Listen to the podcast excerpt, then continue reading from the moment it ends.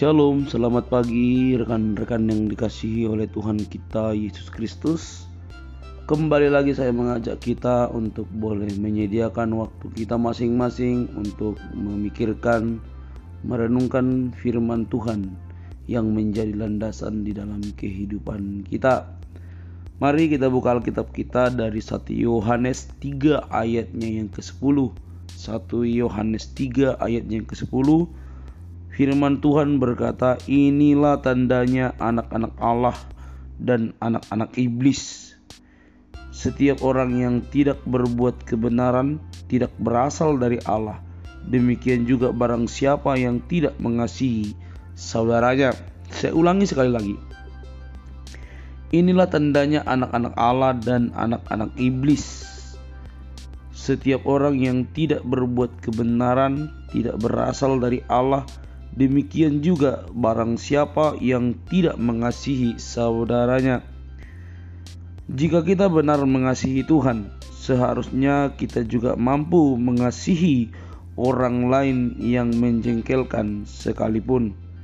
Saudaraku yang dikasih oleh Tuhan, pagi ini kita diingatkan akan sebuah ibadah dan juga relasi dengan sesama kita, orang percaya dan orang lain Apakah ibadah mencakup relasi dengan Tuhan beserta berbagai ritual religius di dalamnya? Tentu saja iya.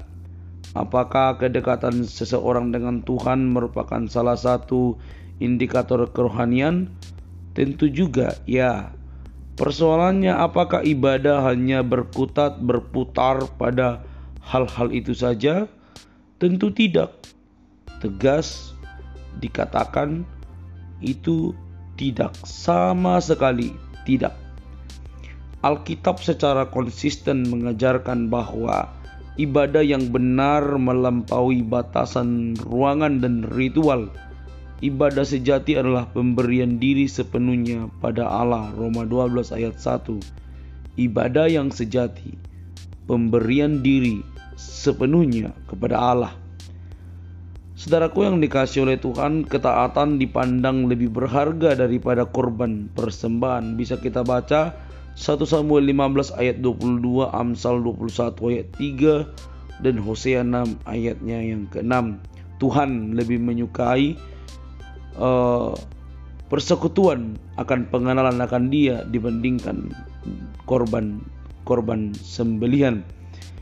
Relasi vertikal dengan Allah seharusnya berdampak pada relasi secara horizontal. Karena kasih kepada Allah tidak dapat dipisahkan dari kasih kepada sesama. Mari kita bandingkan dengan Matius 22 ayat 36 sampai ayat yang ke-40. Jadi jangan katakan Nanda atau saya atau siapa pun dia sedang beribadah kepada Tuhan jika hubungan dengan orang tidak harmonis. Jika engkau beribadah kepada Tuhan, maka seharusnya engkau pun mengasihi orang lain dan hubunganmu dengan orang lain selalu harmonis. Sebaliknya, hal yang dapat mudah dinilai ketika engkau atau kita semua tidak memiliki hubungan yang harmonis dengan orang lain yang nampak oleh mata kita, maka dapat dipastikan bahwa kita pun beribadah belumlah benar, belumlah tepat. Bagaimana bisa kita mengaku mengasihi Tuhan, tetapi pada saat yang sama kita membenci sesama? Hukum kasih berbicara tentang kasih kepada Allah dan juga kepada sesama. Jangan membenci sesama kalau kita berkata, "Aku beribadah kepada Tuhan." Hubungan dengan Tuhan yang benar harus diikuti hubungan yang harmonis dengan orang lain. Mari kita pikirkan itu dan mari kita selesaikan apabila kita ada hubungan dengan orang lain tidak benar atau membenci orang lain.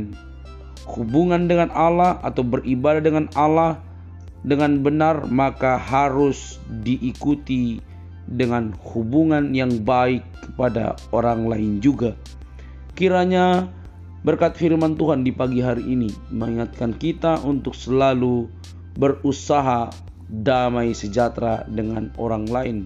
Tuhan memberkati kita. Shalom.